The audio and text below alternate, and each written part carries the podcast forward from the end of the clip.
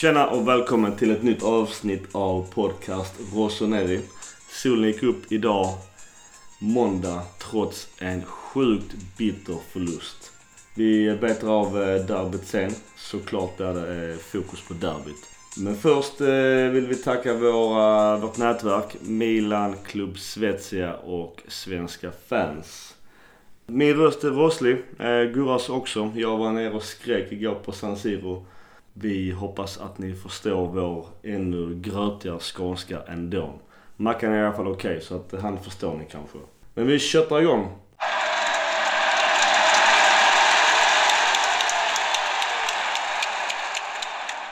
Ja, Mackan välkommen. Ja, man tackar. Gurra, välkommen. Tack så mycket. Eh, har ni sovit någonting i natt? Derbyförlusten. Ja, det är alltid jobbigt. De, de där matcherna kan ju gå tre på eftermiddagen istället så att man har några timmar på sig att smälta det när de tvunget ska förlora. jag skulle upp sju i morse, eh, hotellfrukost. Men jag tror att jag kollade på klockan tre senast. Kunde fan inte komma till ro. Var så jävla förbannad. Ja, du var ju på plats också så att det är lite skillnad. Eh, även om man inte är nöjd när man sitter hemma. Jag kan säga att det var ganska dyster stämning efter eh, matchen om man säger så. Men det måste varit ett jävla tryck där. Ja. Det såg fruktansvärt bra ut inför. Alltså Ja. tifona, båda tifona. Och... Det var riktigt imponerande när man Fullt. tittar på TV. Jag vet inte, jag känner, jag känner mig beredd på det på något sätt.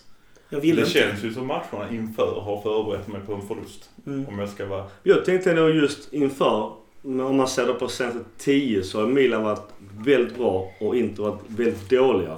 Och en ganska tuff match i torsdags mot Frankfurt som Inter fick stryk. Nej, nej, nej. Vänta nu här. Vi har fått resultaten med oss. Vi har inte varit bra. Nej men, vi har ju, nej, men det är, ja, vi har ju, vi har ju tagit, alltså menar resultatmässigt har vi ju varit jättebra.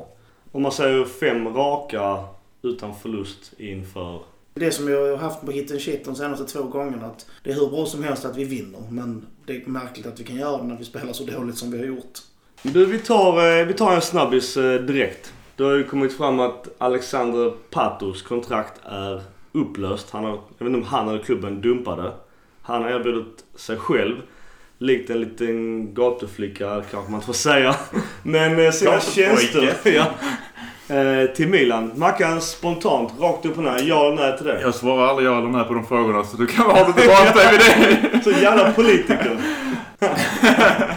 Jag är som sagt var politiker. Nej det är jag inte. Men jag eh, skrev till er att eh, allting beror ju på vad som händer med, med situationen med Cotrone och André Silva också. Vi har ju en anfallare för lite i dagsläget. Eh, Det väl vi alla överens om. Minst en. En eller två skulle jag nästan säga. Sen är jag, jag är alltid lite skeptisk till återvändare. Inte varit bra innan om man säger så.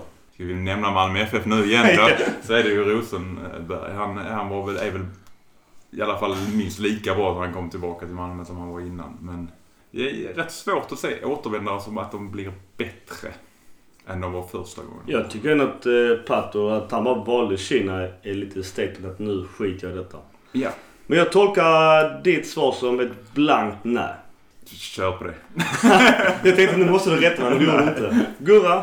Nej, inte nu. Vi borde ha högre ambitioner än så.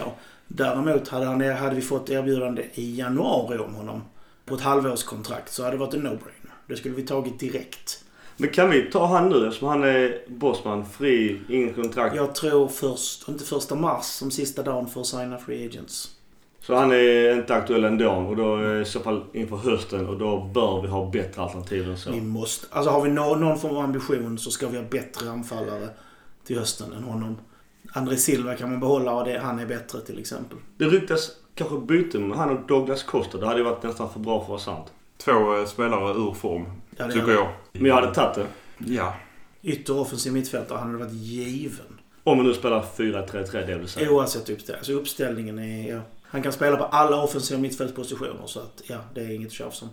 Vi tar en annan rolig grej. Italiens U18 landslag har fått en ny spelare. Och det är då Daniel Maldini som har gjort i Primavera 19 matcher, 7 mål och ett assist och 1057 minuter. Han har dock inte nummer tre. Du pratade nummer sist Mackan. ja. Men han har nummer 10 i Han, han Primavera. är ju anfallare också. Så att, eh, Och en jävla vänsterslägga. Ja, han har gjort många schyssta frisparksmål. Men det var som vi sa, vill man verkligen ta nummer tre i Milan med allt vad det innebär historiskt. Kör 33.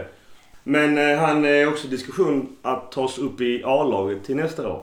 Ja men alltså som en av de här breddanfallarna vi pratade om när vi pratade Moneyballen innan. Alltså vi behöver ju någon ung anfallare eller spelare överlag som kan gå in, vara tredje till femte anfallare.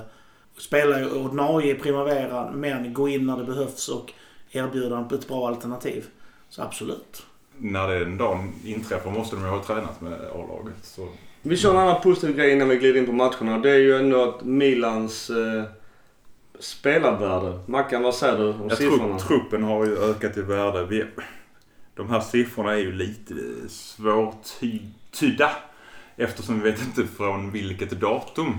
Nej, men Gazettan har i alla fall försökt ta på en lista. Ja. Vill du dra den? Jag kan ta den snabbt. Calabria har ökat med 10 miljoner från 8 till 18 miljoner euro. Hakan 15 till 20.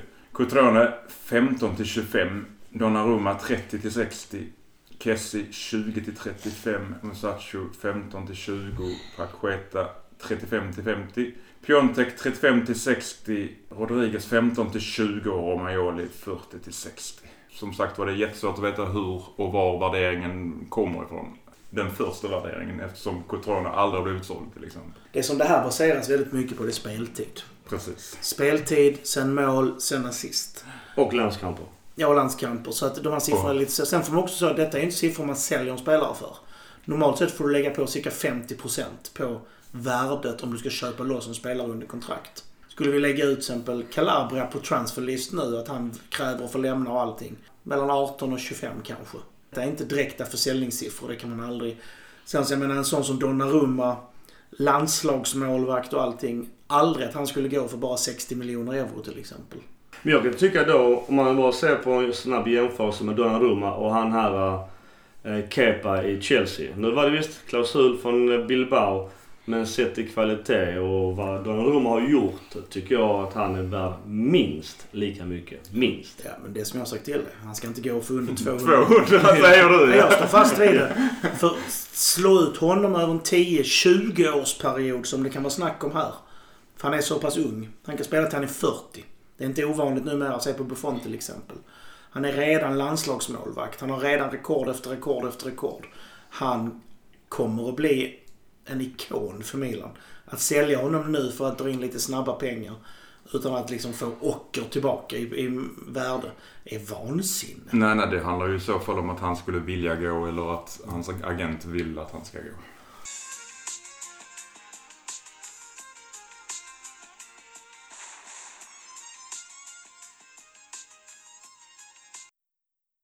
Du, vi glider över på matcherna innan derbyt. eh, Så tar vi det derby deluxe sen. Men det är två vinster mot eh, Sassuolo och Chievo. Klumpar vi ihop dem och så säger vi två, två, två dåliga matcher av Milan som ändå lyckas vinna. Sassuolo hemma inför 61 642 personer. Och Milan skämmer ut sig. Ja, Fan vad arg jag var efter den Det matchen. var en dålig match. Eh, Du var inne på Donnarummas värde och det blev väl inte mindre med tanke på att han höll nollan och var bra. Milans bästa spelare. Vi blev utspelade av Sassuolo när de hade en man mindre. Ja, det var, det var ett skämt. det, det är sorgligt att se. Och det som vi har sagt flera gånger här, så det är så tydligt att det saknas spelidé, det saknas tanke, det saknas någon form av logik i det hela. Hela taktiken nu handlar tydligen om att slå en boll till Susu eller eh, ja, vilka som spelar yttrar. Och så ska de göra något kreativt och hoppas antingen att de får in bollen eller vänder in och skjuter. Det finns ingen annan alltså, tanke med spelet. Det finns inga liksom att förflyttningar, om bollen spelas ut dit så rör sig laget på ett visst sätt för att kunna hitta ytor, breddspel, sidbyten. Ja, jag blir så frustrerad när jag ser det. Du matchen annars, eh, vi vinner på ett självmål. Innan Andrea Consigli blir utvisad så byts Ma- Manuel Locatelli ut. Vad har ni någon åsikt om hans insats? Han som verkar halvt bli uppvaktad av Juventus, vilket känns som ett jätteskämt. Han blev utbytt i 63 minuter så att det är ju inte en jätteinsats. Man har hållit ett litet öga på honom eftersom han faktiskt ägs av Milan fortfarande. Eh, Och han är en Milan-produkt. Han har väl varit en okej spelare för Sassuolo men inte i mina ögon. Eh, tror jag inte att Juventus köper loss honom direkt. I så fall är det för att få öka sin alltså, antalet italienska spelare. Ja, kvoten. För annars så, Bernardi som annars har varit ett rövhål för oss melanister, han var ju hur blek som helst. Om man nu ska säga något positivt om den här matchen var det ju skönt att vinna mot dem. Ja, Det det känns varit- som det var länge sedan. Ja. Det som jag blev irriterad på i den här matchen är att vi har ju haft ett stabilt ändå defensivt mittfält.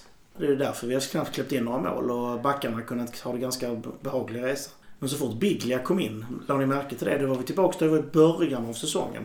Han domderade. Han skickade upp Kessie, var det va? I den offensiva pressen. Och själv låg han steget efter hela tiden i försvarsspelet. Fick jaga efter motståndaranfallare, eller mittfältarna. Hemåtpassningarna blev farligare. enda området egentligen där det verkligen har fungerat. Det vill säga de två mittbackarna och de två defensiva mittfältarna. Det bara sköts i sank fullständigt. Jag skrev till dig eh, under matchen Gustav eh, att det enda taktiska eh, riktiga i hela den matchen det var Rodriguez gula kort. Ja, för att han skulle inte vara avstängd i derbyt. Annars så kändes det väldigt konstigt. Det är rätt fult. Han gör också 90 plus Ja, han en. gör det totalt medvetet. Ja, ja. Så att det är ju inget... Till skillnad från Sergio Ramos så är inte dum nog ut och erkänner det. Fast Nej, det är så nej. uppenbart. 90 plus en gult kort. Absolut. Och det, Men då annars den här matchen var ju pisstradig. Vi, vi tar ändå viktiga tre poäng. Vi håller nollan. Så det ska vi ge cred för. Annars är det ingenting att hurra för. Man kan faktiskt säga att det är ännu sämre med tanke på att du sa att det var över 60 000 på läktarna mot Sassuolo en fredagkväll. Var det inte det dessutom? Vi gör inte ett eget mål efter det är Och ska man då få upp titt, eller det, publiksiffrorna så hjälper inte det till. Ja, det var lördag faktiskt.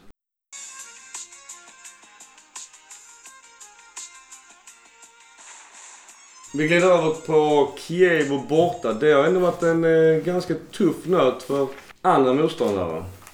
Vi, Lucas Biglia gör en monsterfrispark. Den är ju kanske nominerad till årets Milan-mål.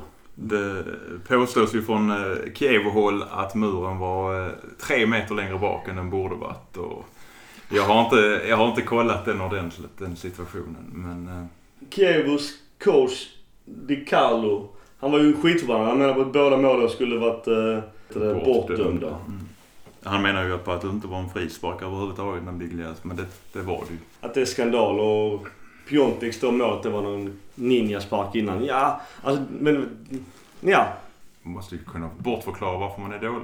Biglias mål är ju fantastiskt. Han eh, har målgest med tre fingrar. Han har lovat sina barn tydligen att göra den målgesten. Nu gör inte han mål så värst ofta, vilket han också sa till sina barn att det kan inte hända så Vi värst kan ofta. vänta ett tag till nästa Ja. gång. Ja, absolut. Ja, så att, ja, jag trodde det var att han visade att jag, nu är jag topp tre i antal löpta meter i matchen. Han vann ju löpta meter. Han vann på 12 12,34 kilometer. Kessie 11.33 och Piontek som sprang runt där uppe på 11.30. Nej, det, är bra, det är bra att springa så mycket med Ja, ja, att som- han egentligen inte ska behöva springa så mycket. Men det, det, är de här, men det, är de här Hugo båg, det är de här båglöpningarna Ja. hela tiden. Det blir mycket meter i det. Jag reagerade på här Kiev att det kändes lite grann som att Biglia, försö- förutom frisparken som var gudomligt bra, men han försökte vara Pirlo. Jag, blev, alltså, jag skrev med versaler här i- efter en bit in i matchen att Biglia är inte Pirlo. Han används om det i den här djupa spelfördelarrollen. Men han har inte alls den, det geniet. Inte närheten. Jag har ju varit väldigt kritisk till Biglia i, i, i princip sedan han kom. Jag tror nog ändå att detta var på topp två av de matcherna han har gjort i Milan, tror jag. Men sen får man inte glömma att det är Kiev. Ja, absolut. Men fortfarande tycker jag nog det är en bättre prestation än han har gjort i de flesta matcher i Milan. Fast problemet här var ju, den stora grejen i den här matchen, det var att vi tappade ju ytan framför eget straffområde. För man, Biglia skickade ju, knu, i princip knuffade upp Kessie i den offensiva pressen och skulle själv städa. Alltså anledningen till att vi inte avgör förrän i 57 och att det inte kändes säkert, det är att vi, vi stängde ju inte ner den ytan. Nej, och det märks ju tydligt när Bakayoko inte spelar. Att Ja. den ytan är öppen. Kessie kan lösa den, men då måste han få fria händer där nere också. Ja, han, Inte- som du sa, han är ju uppknuffad. Han är ju för högt upp i banan i, i princip hela den matchen. Mm. Då är det ofta han kommer till avslutningsläge som man ju då många gånger har diskuterat att han kanske inte ska vara i de lägena, så att säga. Vad har vi mer att säga om Kiev annars? Susu väl fortsätter att vägra passa anfallarna. Det kändes som att han ville bli hjälte. Han ville vika in och skjuta. Men nu vill han nog för mycket för det känns som att han varit dålig ganska länge och nu börjar han nästan bli lite frustrerad och då märker man att han släpper inte bollen och det blir ofta mer felbeslut. Och det blir svårt och det blir jobbigt och ännu mer frustrerat. Han både övergör och övertänker i de flesta situationer. Ja. Castillejo var min överlägset bästa lirare i den här matchen. Det, han var bra. Vad jag var förvånad var att jag ändå sagt att Conti skulle få spela lite mer om han nu är frisk. Eh, Men Conti var inte bra i den matchen. Han var jättedålig. Eh, Försvarsmässigt blev det betydligt mycket lugnare när Calabria kom in. Vilket är ganska märkligt för att Calabria som brukar göra väldigt mycket missar i försvarsspelet. Precis. Och det var skakat och det, i försvaret. Och det, delvis tyckte jag berodde på att Rodriguez också var borta. Så det var två ytterbackar som inte var vana vid att spela. Och sen var Musacho tillbaka i gammal god vana och spelade svagt och missade mycket. Alltså, Jag har sagt det förr, jag säger det igen att även om eh, nu vi vinner igen, han spelar jättebra. Men jag tycker han är vår svagaste länk. Musacho ja. Ja, Ja, ja, lätt. överlägset.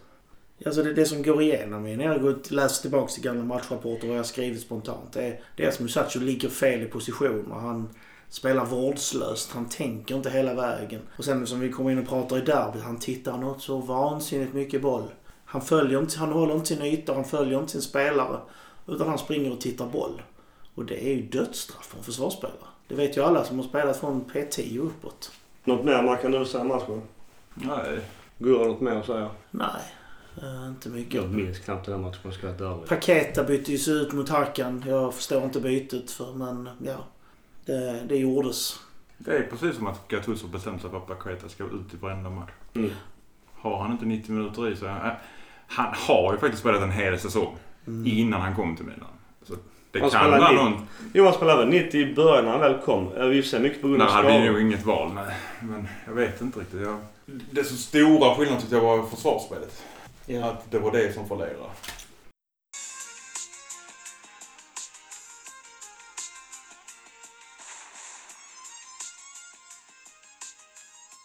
Vi kör lite tittarfrågor innan derbyt då.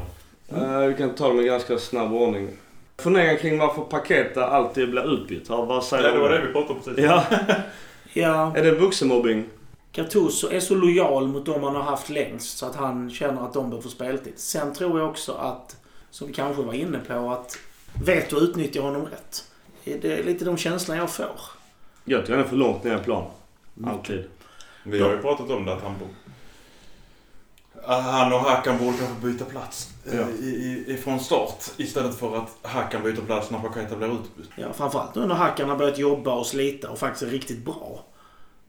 Mm, det var jag som sa det. ja, kors i taket. Gurra tycker Jag Hack är tänkte bra. säga har du spelat in det men det har vi ju. Nej men såhär, credit where credit is due. Ja, ja. Eh, Men, men sagt, han borde användas högre upp i plan. Det är, vilken tränare med spelare ska träna Milan nästa år? Den, den är tuff den frågan. Eh, vi kan glida in på den något senare kanske. I alla fall med Gattuso. Eh, och sen också sett i matchen då, derbyt. Vad ska Gattuso slipa på till kommande matcher? Det kan vi också ta under derbyt-analysen där. Det finns en del att säga om det. Och lite om spelidéer som många undrar sig vad som händer. Och det har vi också undrat faktiskt. Eh, och sen så varför Gattuso alltid spelar Rodriguez är en stor fråga som många tycker. Att Rodriguez är kass. Det får du svara på Gustav, för du tycker inte att han är kass. Man kan se svagheter med Rodriguez, absolut. Framförallt i det offensiva spelet. Den stabiliteten han har gett på vår vänsterback den här säsongen. I princip stängt ner den ytan. Han gör sällan ett felbeslut försvarsmässigt. Så utan honom där och fram- framförallt så dålig som resten av vänsterkanten har varit. Tengo Strinic är skitbra men eh, ingen vet. Utan honom så hade vi, hade vi läckt som såll på det hållet. Eh, Rodriguez är nog anledningen till att vi faktiskt har grisat till oss många av de poängen vi har gjort. Så kritisera gärna hans offensiva spel, men en försvarsspelares första uppgift måste ju vara att försvara. Inte att vara en Marcello som är högst upp på planen och slår inlägg. Det är fler frågor. Det är slutspurten på ligan och eh, Roma tappade ju tack och lov eh, i helgen. Så att det var ju skänk från ovan att Spall slog dem. Så att eh, vi ligger ju kvar på Champions League-plats vilket ändå är säsongens mål. Mycket frågor just om Gattuso, vem ska han träna och så andra förslag till tränare. Men vi, vi bakar in mycket av frågorna. Kanske blir svaren i derbyt som kommer. Vi drar alldeles strax. Vi ska bara dra över till en telefonintervju.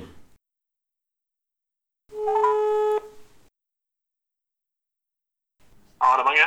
Tjena Magnus, Micke, podcast, Rossoneri. Ja, tjena med. Du, vi sitter här, jag, Mackan och Gurra och snackar. Vi ska precis lira in på derbyt. Du skrev ju Ja. ett bra långt inlägg. Hur är din tanke kring derbyförlusten? Nej, jag tycker det är beklämmande. Och jag tycker inte Gattuso är rätt coach för Milan. Jag tycker det är ganska uppenbart. Jag tycker man ser det hela tiden. Om man, där, derbyförlusten i sig är ju en sak. Men går du längre tillbaks i tiden så har du ju- Tar man denna säsongen så... Jag gjorde en jämförelse där från Juventus-matchen och framåt i höstas. Och då har Milan mött de andra sex lite större klubbarna. Napoli, Roma, Lazio, Inter, Juve. Man har förlorat tre, kryssat tre.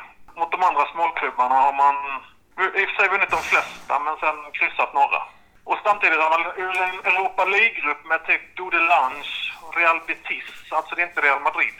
Och så något grekiskt lag har man lyckats krascha ut. Och jag tycker det är ganska tydligt att Gattuso har inte det som krävs för att vara coach för Milan. Jag tycker man ser det i derbyt med. Du har Spalletti som kommer in i derbyt med ett Inter som är typ totalt förfall.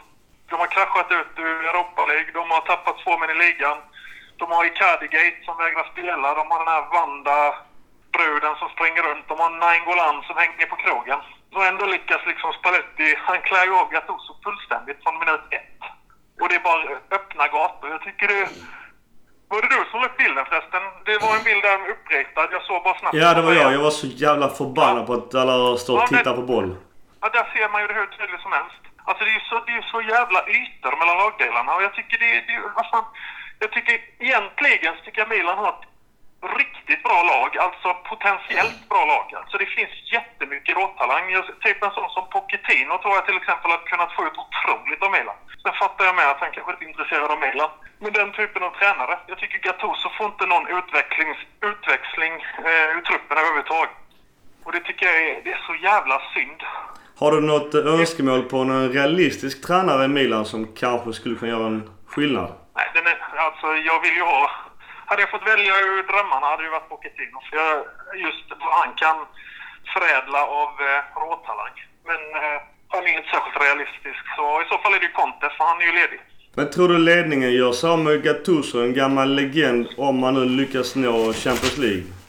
Ja, det är ju det. Alltså jag sitter själv alltså titta på det. Jag, är- jag är ju så irriterad så jag kan. Jag sitter och tittar på det med ögonen. Alltså jag fattar Maldini och Leonardo som sitter där borde ju se när de tittar på det här spelet att detta funkar ju inte. Det, de måste ju typ kunna ringa eller ta en middag och säga typ Fan Reino, det här är inte helt hundra alltså. Vi lyckas inte ta oss vidare i Europa League-gruppen. Vi lyckas inte få i princip ett enda bättre lag. Förutom vi hade väl någon match i början av säsongen där vi slog om det var Roma eller Napoli. Men annars är det ju ganska talande mönster. Vi kan, vi kan stå oss mot mindre och bottenlag och mittenlag i Serie A. Och det är ju mer eller mindre för att vi har bättre spelare på varje enskild position. Så det handlar inte så mycket om att Gattuso taktiskt utmanövrerar någon. Utan det är ju mer kvaliteten på själva laget. Men så fort vi möter någon som har liksom ett ja, likvärdigt eller bättre material eller, och, eller en bättre coach, ja då faller vi. Eller kryss. Du, en sista fråga. Vem är din realistiska och drömnyförvärv till sommaren? Som gör skillnad i Milans eh, spel? Ja, det är en coach. Jag bryr mig inte om någon spelare i nuläget utan det är bara, jag vill byta coach. Det är min dröm, att få en riktig tränare. För jag tycker att den sista riktiga tränaren Milan hade, jag är 42 bast idag så jag har följt Milan sedan jag var 15 så det är 27 år upp och nedgång. Men tar, men tar man nutid så är det alltså den sista riktiga coachen var Allegri. Säga vad man vill om honom men efter det har ju bara handlat om det här projektet med att testa olika spelare. Det är Inzaghi, det är Cedos, det är Montella och nu är det Gattuso. Men jag tycker liksom det, det funkar inte någon gång. Så jag vill ha en riktig coach som kan yrket, som har kompetensen, som kan utnyttja och förädla och få utveckling, utväxling av truppen. Det skulle jag vilja. Du, vi hör vad du säger och eh, stort Ett, tack ett för ord. avslutande ord vill jag ha. Ett avslutande ord. Ja, vad vill du säga? Gatt- Gattuso är min favoritspelare i Milan. Och jag har flera Milan-tröjor hemma efter resor till Milano. Så det är ingenting mot honom som person eller som spelare. Utan det är bara att jag tycker inte han håller på bänken. Ja, men det är viktigt som du säger. Man ska kunna skilja på sak och person. Det är jätteviktigt. Exakt. I övrigt är han kung. Ja, Och- nej, men vi, vi, vi tre säger... På, i alla läger, men inte just på bänken. Där måste vi ha någonting annat. jag tror vi håller med. Vi är lika inne på det. Vi älskar Gattuso men eh, vet inte riktigt om det är rätt tränare. Nej, det är samma som jag tycker. Du, stort tack för eh, bra ord. Nej men, stort tack till er som kör en kanonpodd. Tack så hemskt mycket. Du, och vi hörs och snackas i våra Facebookgrupper helt enkelt. Jajamän. Ha det gott så länge. Ha det gott. Samma. Jajamän. Hej. Ja, hej.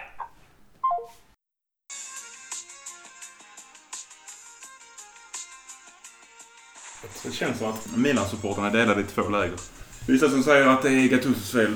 Och det finns en hel del som säger att truppen är för dålig. Men är truppen för dålig? Angående min egen uppfattning är att man kanske höjer truppen mer än man gör för att du...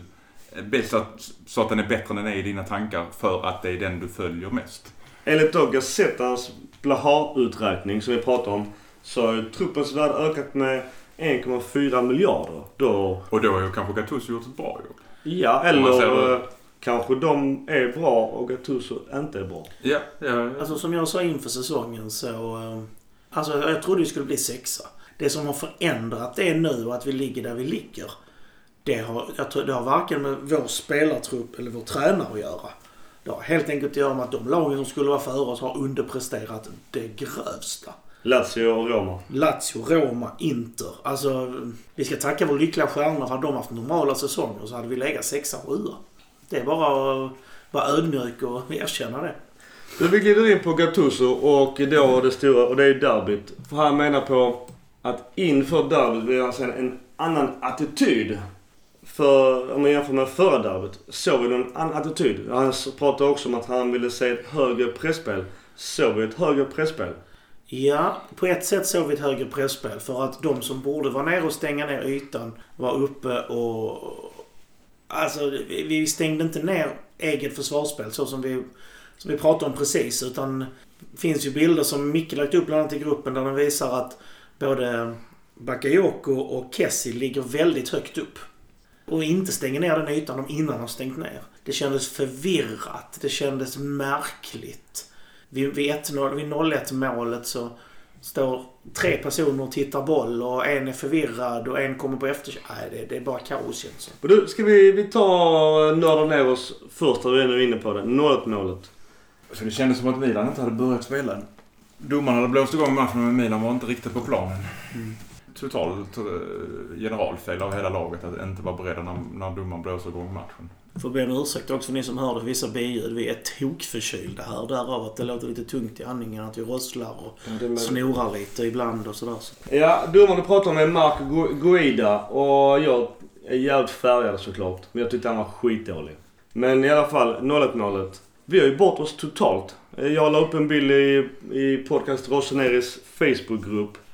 Och där ser man fyra spelare som tittar på boll. Slottet framför Donnarumma är ju helt öppet. Alltså det, det, det är ju en kvadrat på, vad kan det vara, 5 gånger 5 meter. Där står inte en käft. Nej, det är helt galet med tanke på hur många spelare Inter har i boxen. Att de kan vara så fria. Ja, Vesino är ju helt, helt eh, fri. Alltså Romagnoli kommer ju en kvart efter. Ja, Men det, det är det att det är ju inte Romagnoli som är den stora boven här. Om vi tittar på situationen egentligen. Jag ska beskriva det som ett stort clusterfuck. Romagnoli släpper Per Perisic i första läget. Ja, det gör han. Så Perisic får vända ner. Rodriguez räddar nästan situationen, man hinner inte. Calabria missar sin markering så killen får lov att komma ner och få ett par meter på honom. Jag måste bara flika in, för det såg vi ju inne här och, och, bilderna och videon. Calabria gör en dålig insats. Odiskutabel. Men han står också emellan och hattar. Mellan då eh, eh, Lautaro och en annan spelare. Så han har ju två.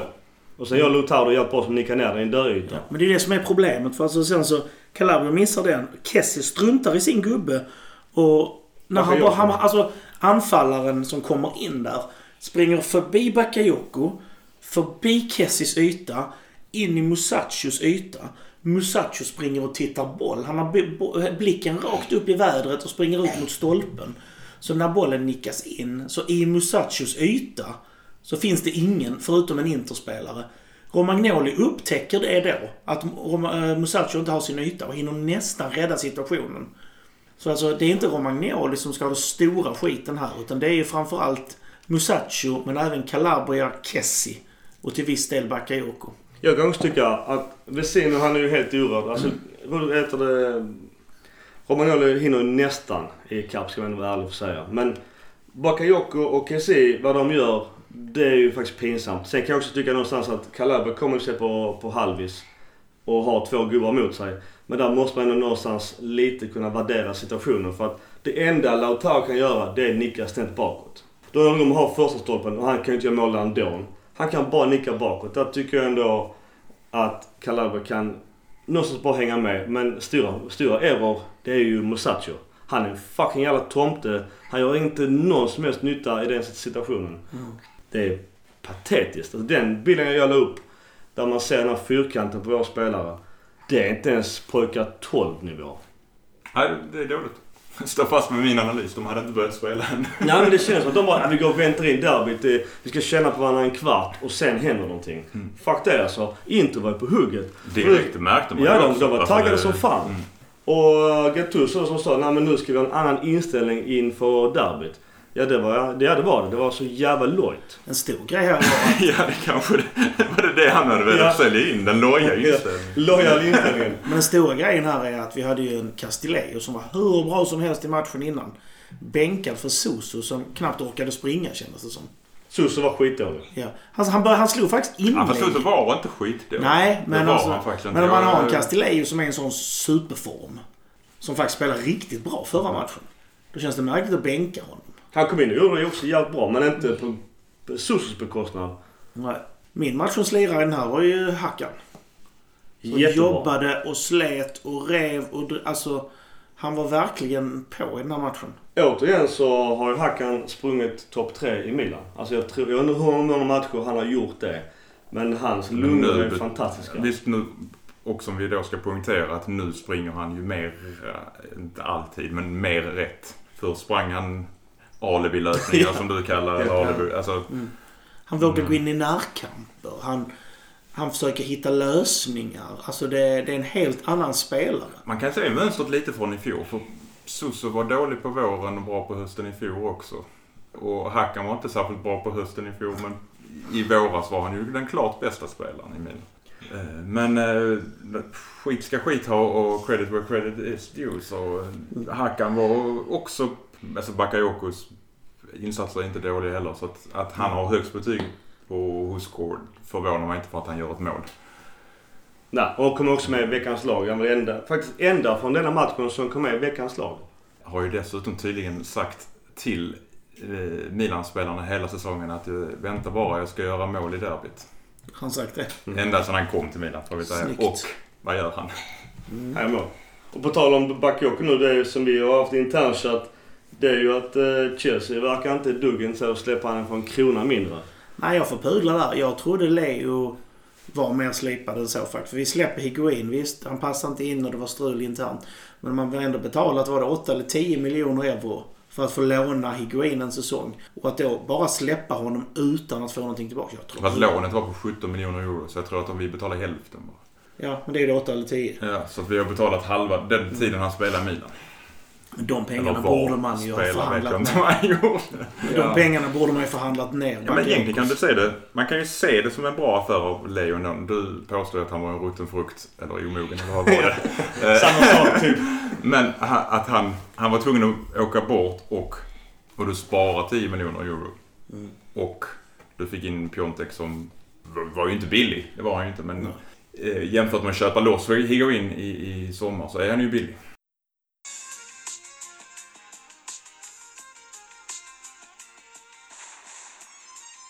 En annan positiv sak med derbyt är för att vi återigen har fått in 5 miljoner euro på en match. Den gången var det rekord på 5,8 miljoner. Vi var väl...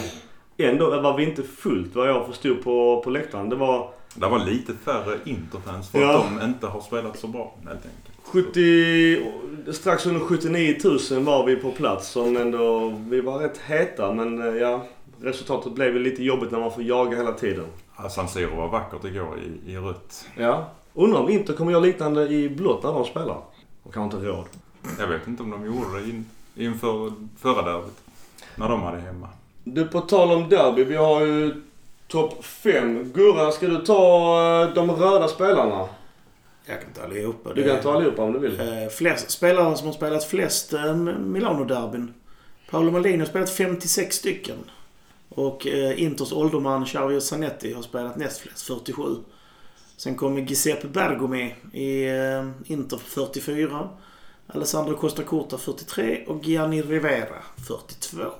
All cred till dessa lirare. Men vi nu tar Gattuso, vi ska hårtorka honom. Och där är det faktiskt svart på vitt att mot topplagen så har han varit dålig. Eller vi. Eller Milan har varit dåliga. Vi har förlorat både mot Derby, Napoli förlust lika, Juventus förlust, Roma vinst och eh, lika är helt okej. Atalanta vinst, lika, Lazio lika, Torino lika, Sampdoria lik, eh, vinst, Sampdoria förlust. Fiorentina. Kan Ja, vad vill vi komma med det? Att Milan har varit dåliga mot topplagen. Ja, vad, vad säger vi om Gattuso? Vad gör han för misstag i derbyt? Förutom att allting eh, känns lite High Chaparral. Jag, jag köper att han desperat vill ändra matchbild för att vi ligger under och jagar hela tiden. Men gör han rätt? Det jag tycker är konstigt med bytena är att han ändrar formationen under matchens gång mer än en gång. Det blir spelare, helt plötsligt är Kessie högerback Calabria vänsterback. och Calabria vänsterback. Och jag förstår att han vill ändra matchbilden för den var ju inte... Efter 45 första minuterna såg det riktigt dåligt ut. var jättedåliga första. Så att jag förstår att han vill ändra matchbilden och han har ju inte någon... Han har inte jättemycket att välja på som är bättre än det han börjar med. Om man nu får vara lite kritisk mot eh, truppen. Var det rätt att byta ut Paketa så tidigt? Var han Eh, så jag, tyckte, jag tyckte inte Paketa var, gjorde sin bästa match. Han hade ett skott i början som kanske var värt ett bättre öde. Ja, Jag gillade Paketas löpvägar. Ja, Men han fick, han han fick blev- aldrig passningarna. Han fick inte passningarna och han blev av med boll ganska många gånger som gjorde snabba omställningar för Inter var mycket hetare. De spelar också 4-3-3. Och sett i första halvlek. Jag vet inte hur det var på TV. Jag har inte sett hela matchen i efterhand. Men Brozovic, som jag hoppades och trodde skulle vara borta från eh, derbyt. Han fick hur mycket yta som helst. Han kunde styra spelet hur han ville. Där tänkte jag, kan inte någon gå in och sätta två dobbar i knät på honom? Men där kommer vi effekten av att Gattuso skulle försöka vara, försöka vara coach och vara taktisk. Han flyttade ju bort Bakayoko och Kessie från den ytan där de hade låst honom fullständigt. Hade han gett dem möjligheten att, att stänga det, det området där så hade Brozovic varit, vad ska jag kalla det, vinklippt. Då hade inte han kunnat regera som han gjorde. Han hade hur mycket yta och tid som helst nu. Ja, absolut. Det var ju pinsamt att se. Gattusos vilja av att, att vinna. Alltså han var så desperat att vinna det här derbyt. Så att han gjorde taktiska misstag. Spalletti utnyttjade dem hänsynslöst.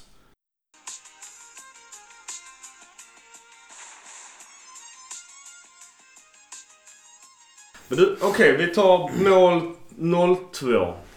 Det är en hörna. Jag trodde fan först att bollen inte var ute men jag såg bilder idag och eh, Donnarumma räddade bollen inte över linjen. Så det var lite bittert. Det kan också skönt i och för sig att det var regelrätt. Men då har vi Stefan De Vrij som är från Bosman. Från, från Lazio. Eh, Vi kollar på den bilden Gurra. Jag vet inte om du kommer ihåg det Mackan? Ja, tyvärr. Här däremot ska Romagnoli ha så mycket skit han bara kan få. Han markerar på armlängds avstånd och alibi-markering. Och det är mål i samma yta som 0-1-målet. Det vill säga mitt framför målvakten. Den ytan ska vara död. Och det är ett ganska snyggt mål. Ja men vad fan alltså det... Jag det förstår att den ska vara död, men om du ser hur Interspelarna agerar där så är det... Men han, får inte, han måste ju bli, få någon press på sig. Ja, men alltså, han kan detta, och påminner, sikta in detta, det. detta påminner om Milans försvarsspel i början av säsongen, tycker jag. Ja. Utan någon form av pondus och eh, att man står och tittar boll till stor del. Det viktiga kanske är att se vad som händer med försvarsspelet efter denna matchen. För att i ett derby kan allting hända. Nerverna sitter utanpå eller eh, vad det nu är. Man kan vara övertänd som en viss Conti förmodligen var när han gjorde en eh, idiottackling i slutet av matchen. Så att jag ska inte dissa hela försvaret men det är ju det som har varit det starka de senaste tio matcherna och idag eller igår var de ju inte bra. Det är viktigt som du säger. Att ja, derby, det svider som fan. Så att då, eftersom man själv var bara på plats dessutom och så matchen var det ju ännu värre såklart. Men kan man bara gå tillbaka till sitt tradiga, tråkiga spel och tråka ut motståndaren och ta sig en tre poäng. Ja, då kan jag ta det här. Alltså, hade det varit, som jag säger, senaste sex matcherna, fem vinster och en förlust. Jag hade tagit det varje dag i veckan. Och att, att man sen torskar mot Inter. Ja, att bli tre eller fyra, för mig är det skitsamma. Att det är klart det är kul att komma före Inter, givetvis. Men jag blir hellre fyra och Inter blir trea att, att de blir fyra och vi blir femma. Absolut. Eller, eller vi, blir, vi blir femma och de blir sexa. Ja, alltså tittar du...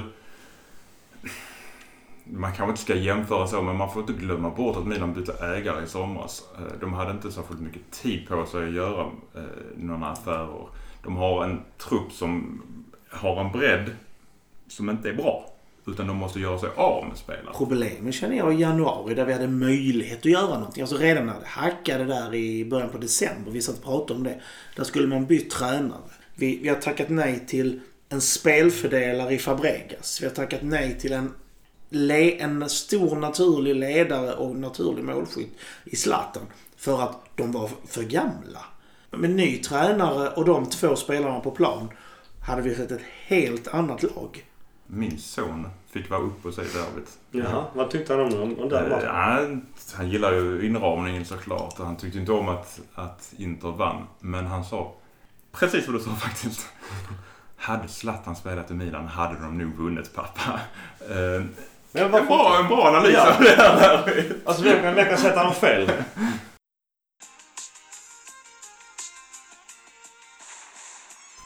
En annan legend, det är ju eh, vår gamla vän, eller kanske inte vän men ja. Silvio Berlusconi, han eh, var ju inne på, hade han satt, hade Gattuso satt Susu bakom två anfallare. Så som man ofta ville få Ancelotti att spela i slutet när han körde sin julgran. Då, då skulle Milan vinna med 3-4, kanske till och med 5-0. Och vad Men- säger vi, har, har, har Berlusconi en poäng? Nej, jag hade hellre sett Hakan bakom i så fall. Är jag med? Ja. Uppställningen är inte problemet. Vi skulle kunna spela de flesta uppställningar egentligen. Problemet är att det finns ingen tanke. Spelarna, som jag sa precis innan, spelarna vet inte vad de ska... Vad, alltså om bollen kommer till punkt A, då ska jag röra mig till punkt B. Och så springer någon annan till punkt C och så kommer bollen där i den ytan. Det är det som är en spelidé. Det är det som är en taktik. Nu handlar det om ut med bollen till yttrarna och sen så får de göra någonting. Man märker det när bollen går ut. Alla bara står stilla. Okej, vad händer denna gången? Berlusconis poäng, och där håller jag med honom, det är att han vill ju se två anfallare. Jag vill ju se Cotrone och Piontek ihop. Jag, jag vet fan, innan har alltid försvarat 4-3-3 om man nu ska leverera med siffror. För att Sus har varit så jävla bra i den ytteranfallsrollen. Han har ju också provat centralt och då har det inte funkat. Så jag vet inte varför han säger just Suso. Det håller jag med där Mackan. Ska någon spela AMC så är det ju antingen Paketa, vilket jag ville se, men annars Hakan. Men i alla fall, min fråga är... Två anfallare. Vill vi ha det? Går det? Eller varför gör vi inte det? Jag börjar bli, jag börjar bli rädd när jag ser dem spela att Cotrone och Piontek är för lika. Påminner för mycket om varandra i löpvägar, i pressspelet, i hur, vad de gör med boll. Sen är Piontek en bättre och mer färdig spelare än vad Cotrone är. Cotrone sliter men vill ha samma yta. De krockar lite. Ja, Men det är svårt också att dra växlar på när Cotrone kom in igår. In och vi spelar med två anfallare. Då spelar hela laget helt annorlunda och spelar på olika positioner än de brukar vara. Så det är svårt att dra någon växel på hur bra ett Milan är med två anfallare. Och det är också lite så desperate matters. Alltså man måste göra någonting. Så att, Ja, och det, det lönar sig ju nästan. Cotrone var otroligt nära att få in en Fan vad det var bittert. mm, absolut Ambrosio, jag, jag tänkte så hoppas den jävla idioten tar med handen men det gjorde han ju inte. Det, det går inte ens att försöka få in det men det, han, han gör det svinbra. Och jag ska också säga att Cotrone gör ju en jävligt bra insats där också att han drar den direkt på mål. Där har vi skillnad med den färdig, ut, färdig anfallare som vi hade innan i Higuin. Tycker man vill om honom. Och en, en ofärdig anfallare som i Cotrone. Higuin hade satt, dängt in den högt. Men det kan bli varning tre också om du drar den direkt på... Han har gjort, en touch. men han har gjort så många mål. Ja, alltså att Higuain är ju tycker- jättebra. Jag bara menar på att... Och Kessie hade skjutit utanför mig. Kiss. Nej, det var ju dumt. Är en bra övergång. Vi, vi tar eh, Kiss, den där skitusla övergången. Han gjorde ju bort sig deluxe. Och din... Innan du pratade om Biglia. De rök ju ihop. Ja, Kessie gjorde bort sig helt. Vad säger du om det Mackan? Vad, vad hände? Kessie blir utbytt och Biglia säger någonting till honom för han var jävligt irriterad när han blev utbytt. Vad de själva säger så har ju Biglia sagt åt honom att du ska lugna dig, du ska respektera laget, du ska respektera coachen, bla bla bla. Eh, Och Cotrone som kom in. Ja. Och jag kan väl förstå att man är lite lack när man är i... Man är rätt så adrenalinsting kan jag tänka mig till derby. Dessutom kanske han är lite lack på Gattuso för att han helt plötsligt fick spela olika positioner och fel position jämfört med vad han är bäst på hela tiden. Och sen är han 21 år också.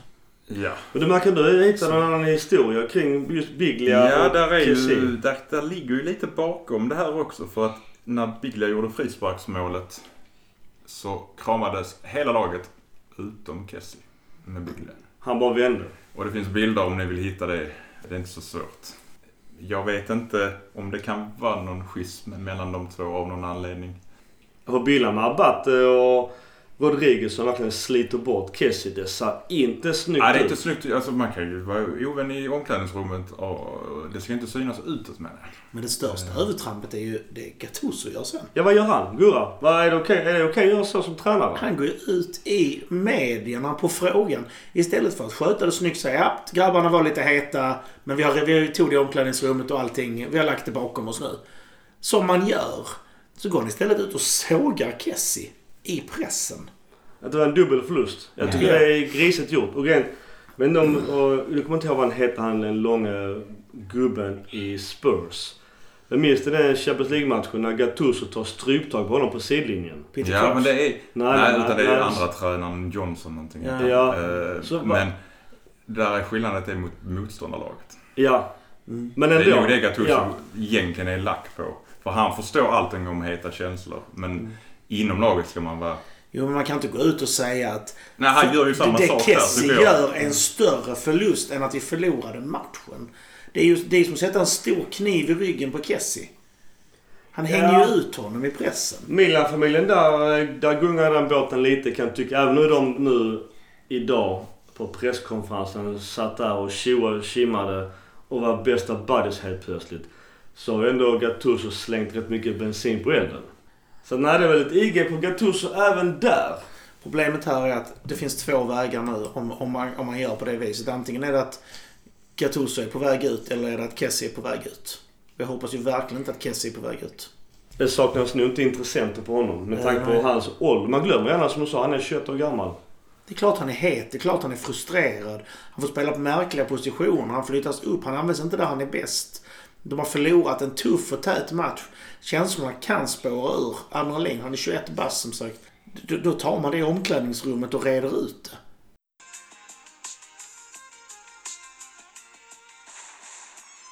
Bara kort också med betygen, inte för att det kanske är världens eh, mycket ståhej kring Gazettans betyg. Men Piontek hade ju en hopplös afton mot de här två jävla mittbackarna som man får ändå ge Skriniar och Devrey stort plus för då är ju fantastiska backar. Kanske det bästa mittbacksparet Serie A. Eller? Vad säger vi? Spontant Mackan? Vilka är två bättre än dem då? Som par? Vi ska säga ändå par. Även om Romagnoli och Heter det han, vad heter din Liverpool-polare? Jag har glömt hans namn. Eh, Holländaren. Alltså, uh, Virgil van Dijk. Ja, van Dijk. Och... Klipp bort bort. eh, vad fan var det nu? Nej men det var Materazzi sa ju van Dijk, Romagnoli. Ramos va? Var det Ramos? Han sa Ramos. Ja, skitsamma. Men i alla fall att de var de bästa just nu i världen. Men då är frågan eh, någonstans vilka, vilka som par. Alltså är det något bättre par än just De Vrij och Skriniar? Ja, det är svår fråga på stående det är svårt. Men alltså Chiellini och Bonucci är väl inget dåligt. eh.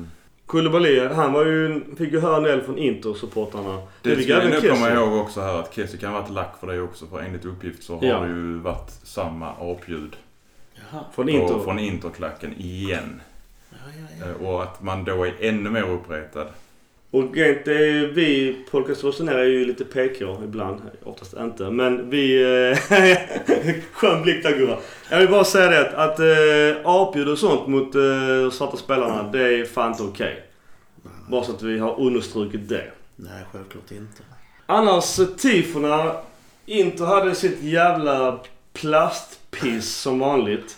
Men när man ser det på avstånd där är det ganska okej. Men Får man säga att det var ganska snyggt. Ja, jag vet. Det är okej. Men eh, det är fortfarande Inter. Men i alla fall, när man ser på håll så har man en massa plast. För det är ju ändå typ en plastklubb. Men vad säger vi om vårt eget tifo? Också lite plast för att vara italienskt, är det inte Ja. det? Jag tycker, inte, jag tycker det är coolare när de använder eh, helt enkelt en plastbit per person istället för att vrida ut ett stort plakat. Och vi alla vi andra höll ju varsin bit. Mm. Det värsta är, det är jag mest besviken på. Eller inte mest, det ska jag inte säga. Men det är där som jag är besviken på. I allt annat piss den här kvällen. Det var ju i tifot. När man sen, alltså det var ju sån jävla klappehatt-mög. Mhm. Så att man, man eh, dragspel ihop det. Och sen skulle det bli en sån klappgrej. Och det är fan Men okej. det funkar inte. Nej, det, det, det känns lite såhär Jag förstår inte, riktigt vad, varför Hellboy. Jag vet den kallas för röda jävlar och sånt men... Tifon finns ju på nätet så att eh, ni får själva avgöra. Jag tycker, ja alltså all cred till, till Tifo-gruppen. Det jobbet de gör är ju fantastiskt. Ja. Det har varit betydligt snyggare tifon, så kan vi säga. Innan när Fossa del de Leone var aktiva så var det ju deluxe.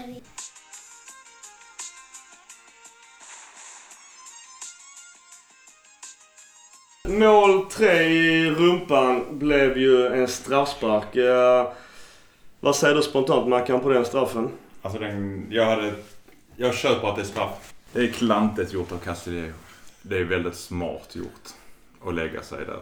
Han är på väg ut ur straffområdet. Man får inte slänga ut benet så Men, som man gör. nej. Man märker att det är en offensiv spelare som är på helt jävla fel position. Det var väl tur att vi hade lite eh, VAR att tillgå där för domaren går på rumpan samtidigt. Så jag vet inte hur mycket han ser av situationen. helt. Jo, han tog straff innan. Tog han straffen innan han blåser. blåser samtidigt som han Ja. gör. Och då är det som så här. Många säger varför togs det inte VAR? Varför var det inte VAR? Men då är det som så här. Och då ska jag förklara VARen. VARen. Det sitter en domare titt, i VAR-rummet. The war room, the VAR room. Och tittar på det här hela tiden. Om han kommer i de stora besluten som straff, rött kort, in eller ut i straffområdet, in eller ut i målet och så vidare. Kommer fram till annat beslut än vad huvuddomaren har gjort. De, då ringer han ner och talar om för huvuddomaren att du behöver nog titta på detta. Huvuddomaren inte ens får det samtalet så är de överens. Både han som sitter med tv-sändningen och huvuddomaren på plan. Och då har, var, har gjorts. Men domaren behöver inte springa ut och kolla på det. Han kan bara verkligen bara bekräfta. Det, du gjorde rätt. Alltså, de har ju kommunikation hela tiden. Både han och linjegubbarna. De har ju säkert någon sån grej så att om du har gjort rätt beslut så säger jag inte ens någonting. Nej, precis. Alltså, ja. Det var ju någon eh, annan podd. Eh, just det, det, fan har jag glömt att säga. På tal om annan poddar. Olof Lund.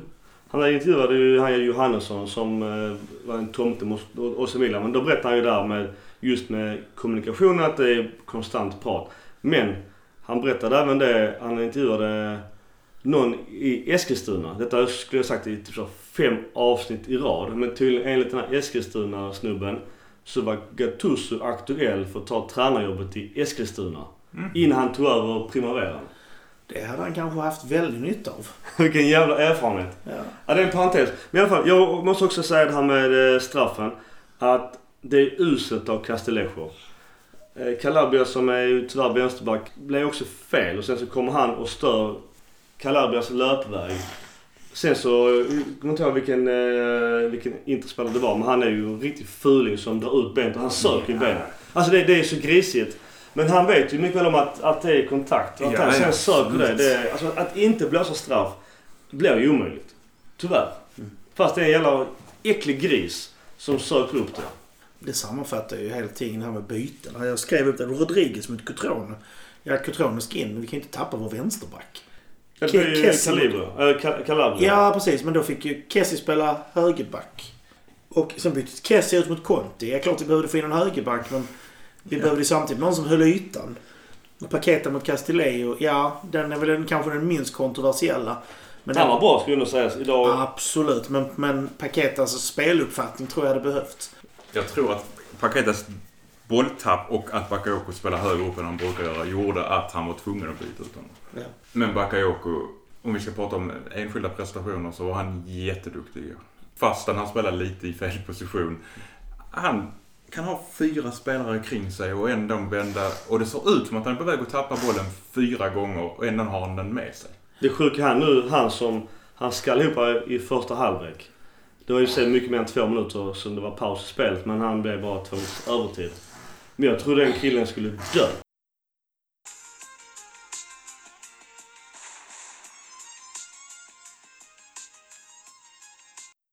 Straffen är, ja, den är klar. Men jag kan tycka också, om man, om man ser tillbaks på Milan så hade jag hellre sett att eh, Calabria puttade bort Castellejo och körde ett Kolarov-brytningsbrottningsförsök.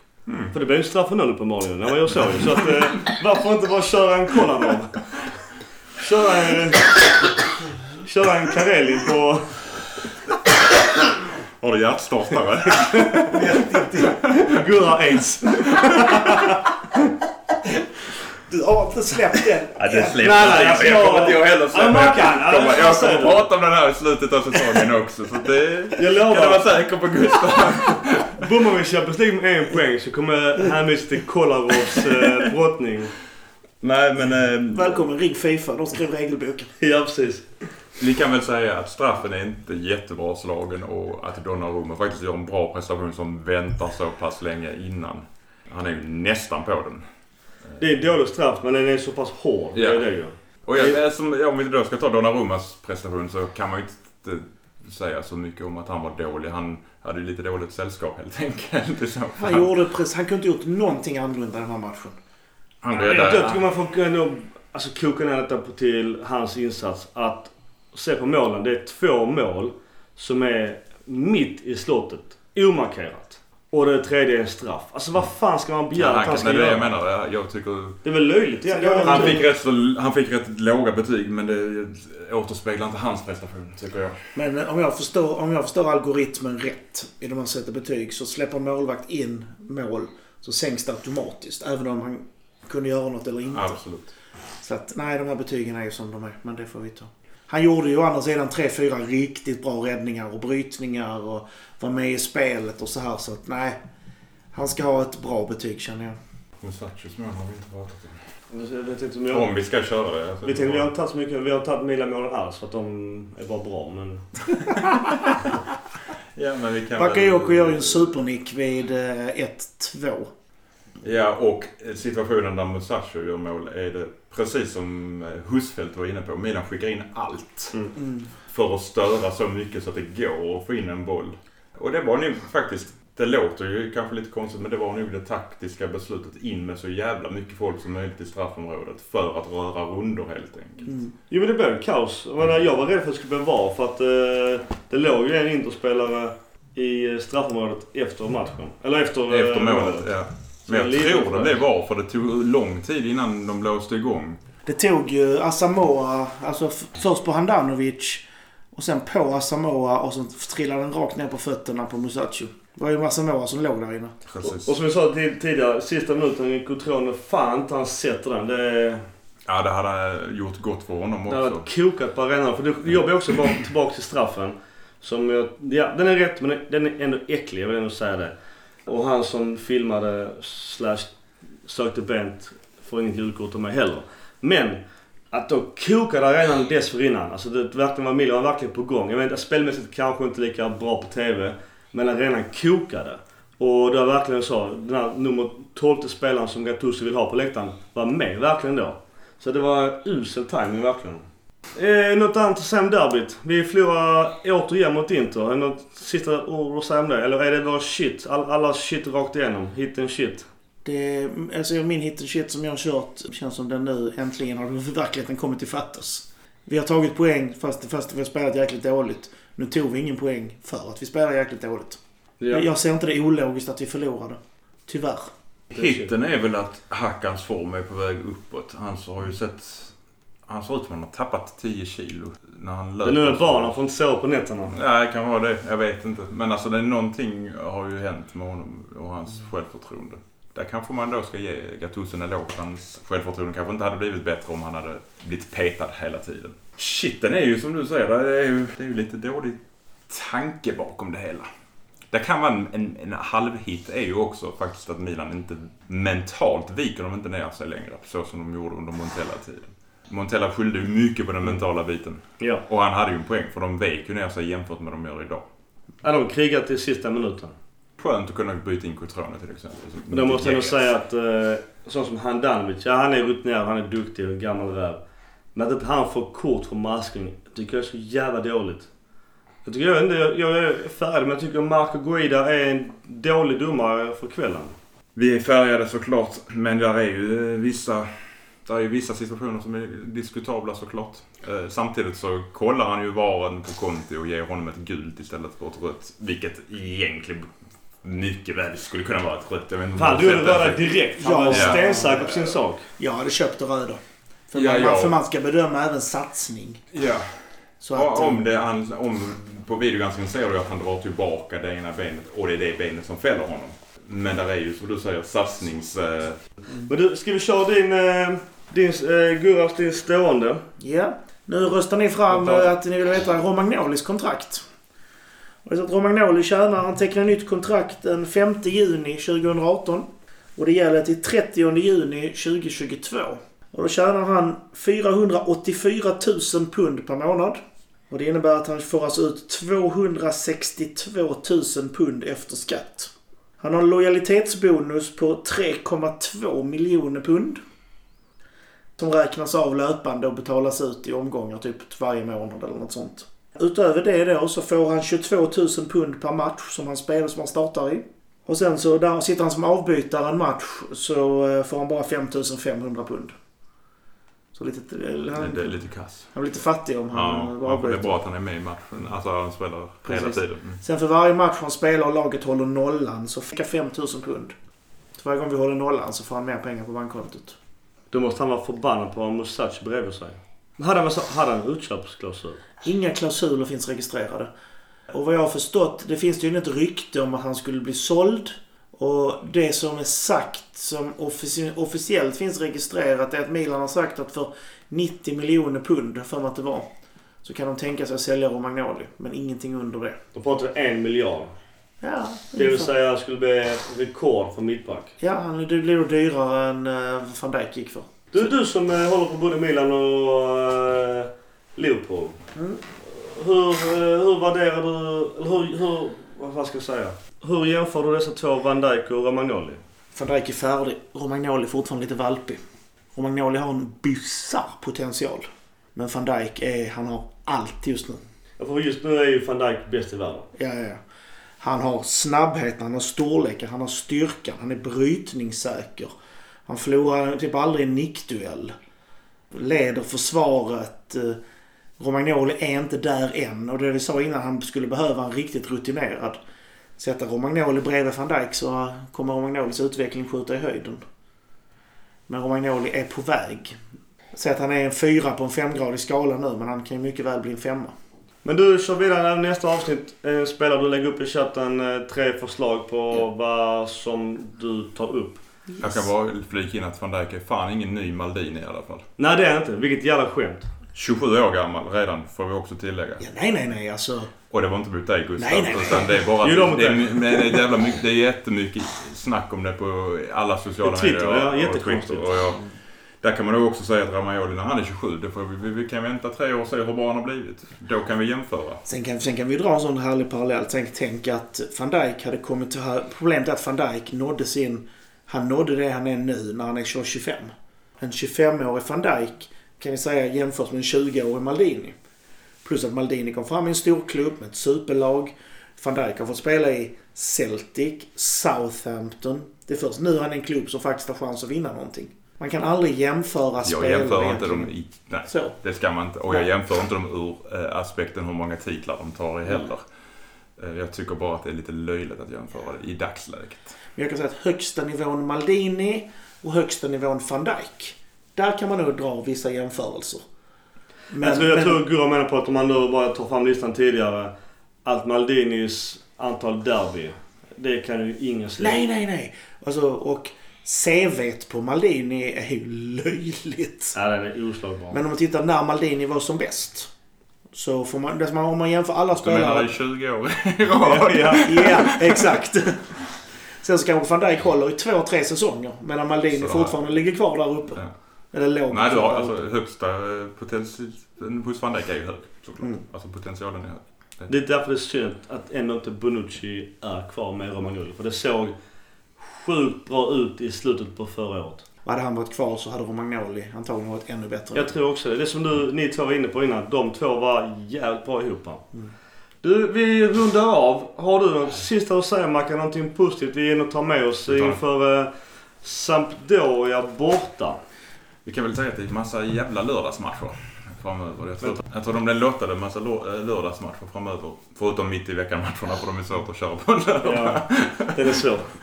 Det positiva jag tar med mig är att Juventus förlorar. Ja, just det. Fan vad gött det var. Genua. Mm. De har tagit... Och det har ingenting att göra med Milan. Jo, Milan är har- positivt. Milan har ingenting med, Det är med. Juventus position att göra. Men det är positivt för då kör de inte en hel säsong utan att förlora andra. Jag har faktiskt en grej som jag lovade. Genua igen. Ja, igen. Det är faktiskt en sak som jag lovade kolla upp eh, på vår grupp. Vilka spelare i Real Madrid, om nu det skulle rensas ut, som eventuellt skulle kunna vara, vara bra för oss. Och jag ser egentligen bara att det finns... Alltså supervärvningen var ju James Rod- eh, James Rodriguez. Är Bayern München. Ja, han är bara utlånad. Han Ja. tillhör ju fortfarande Real. Men då kostar han... Nu tjänar han en miljon pund i månaden. Sen Då är det ju då, om vi vill ha ett löfte, någon som kan utvecklas, så är det ju Ödegård. Ödegård. Han kvar i Madrid? Ja, men just nu är han utlånad till Holland. Men jag får att han floppade helt här i. Han, han har har faktiskt börjat spela upp sig och det skulle kunna vara någon spelare för framtiden. Men den som faktiskt är realistisk. Men är han bättre än eh, Daniel Maldini då? Det är olika positioner. Ja, ja. Den som faktiskt är realistisk det är Kovacic. Som innan var Inter. Han är ju eh, i Chelsea. Ja, om Chelsea nu inte väljer att köpa loss honom, vilket de kanske inte får till sommaren, så skulle det kunna vara en realistisk värvning. Han tjänar bara 462 000 pund i månaden. Vilket inte är... Det är under vad Romagnoli tjänar. Det känns som att går Inter till Champions League så vill han nog hellre gå tillbaka till dem med sina två kroatpolare där. Ja, den, men den är nog den mest eh, realistiska, bra In, värvningen. Inter har väl en annan kvart på gång från Real Madrid. Vem då? Modric. Jaha. Ja, ja. ja. Så att eh, sammanfattningsvis, Kovacic är nog det bästa vi kan få därifrån. Rent realistiskt sett till löner och värden och allting. Om inte någon vill typ sänka sin lön till en tredjedel. Och det händer ju tyvärr inte i fotbollsvärlden. Min positiva avslutning det är att jag har också glömt säga det tidigare men att vi får in massa bra feedback eh, vilket vi uppskattar vi tre jättemycket. Men vi har även fått faktiskt eh, några betyg också på vår podd i, på iTunes. Jag jag har inte själv iTunes så jag vet ju inte det men jag gick in och kollade med ett annat konto. Och vi har, eh, vet du vi har i snitt? 1 till 5. 3,8. Vad tror du? 4,2. 5,0. Hur många röster är det? En? Det är bara åtta röster. Men Nej, ändå. men ändå. Vi Det är är- 5,0. Ja, ja. ja, det är bra. Vi uppskattar Ja, de det är åtta rösterna så- jättemycket. Såklart. Så om ni tycker vi är okej så får ni gärna gå in och rösta. Inte för att det gör någon större skillnad för sig men vi uppskattar all feedback. Ja, Forza Milan. Forza Milan. Sixten? Du säger Forza Milan? Nej, inte idag. Nej. Forza Milan.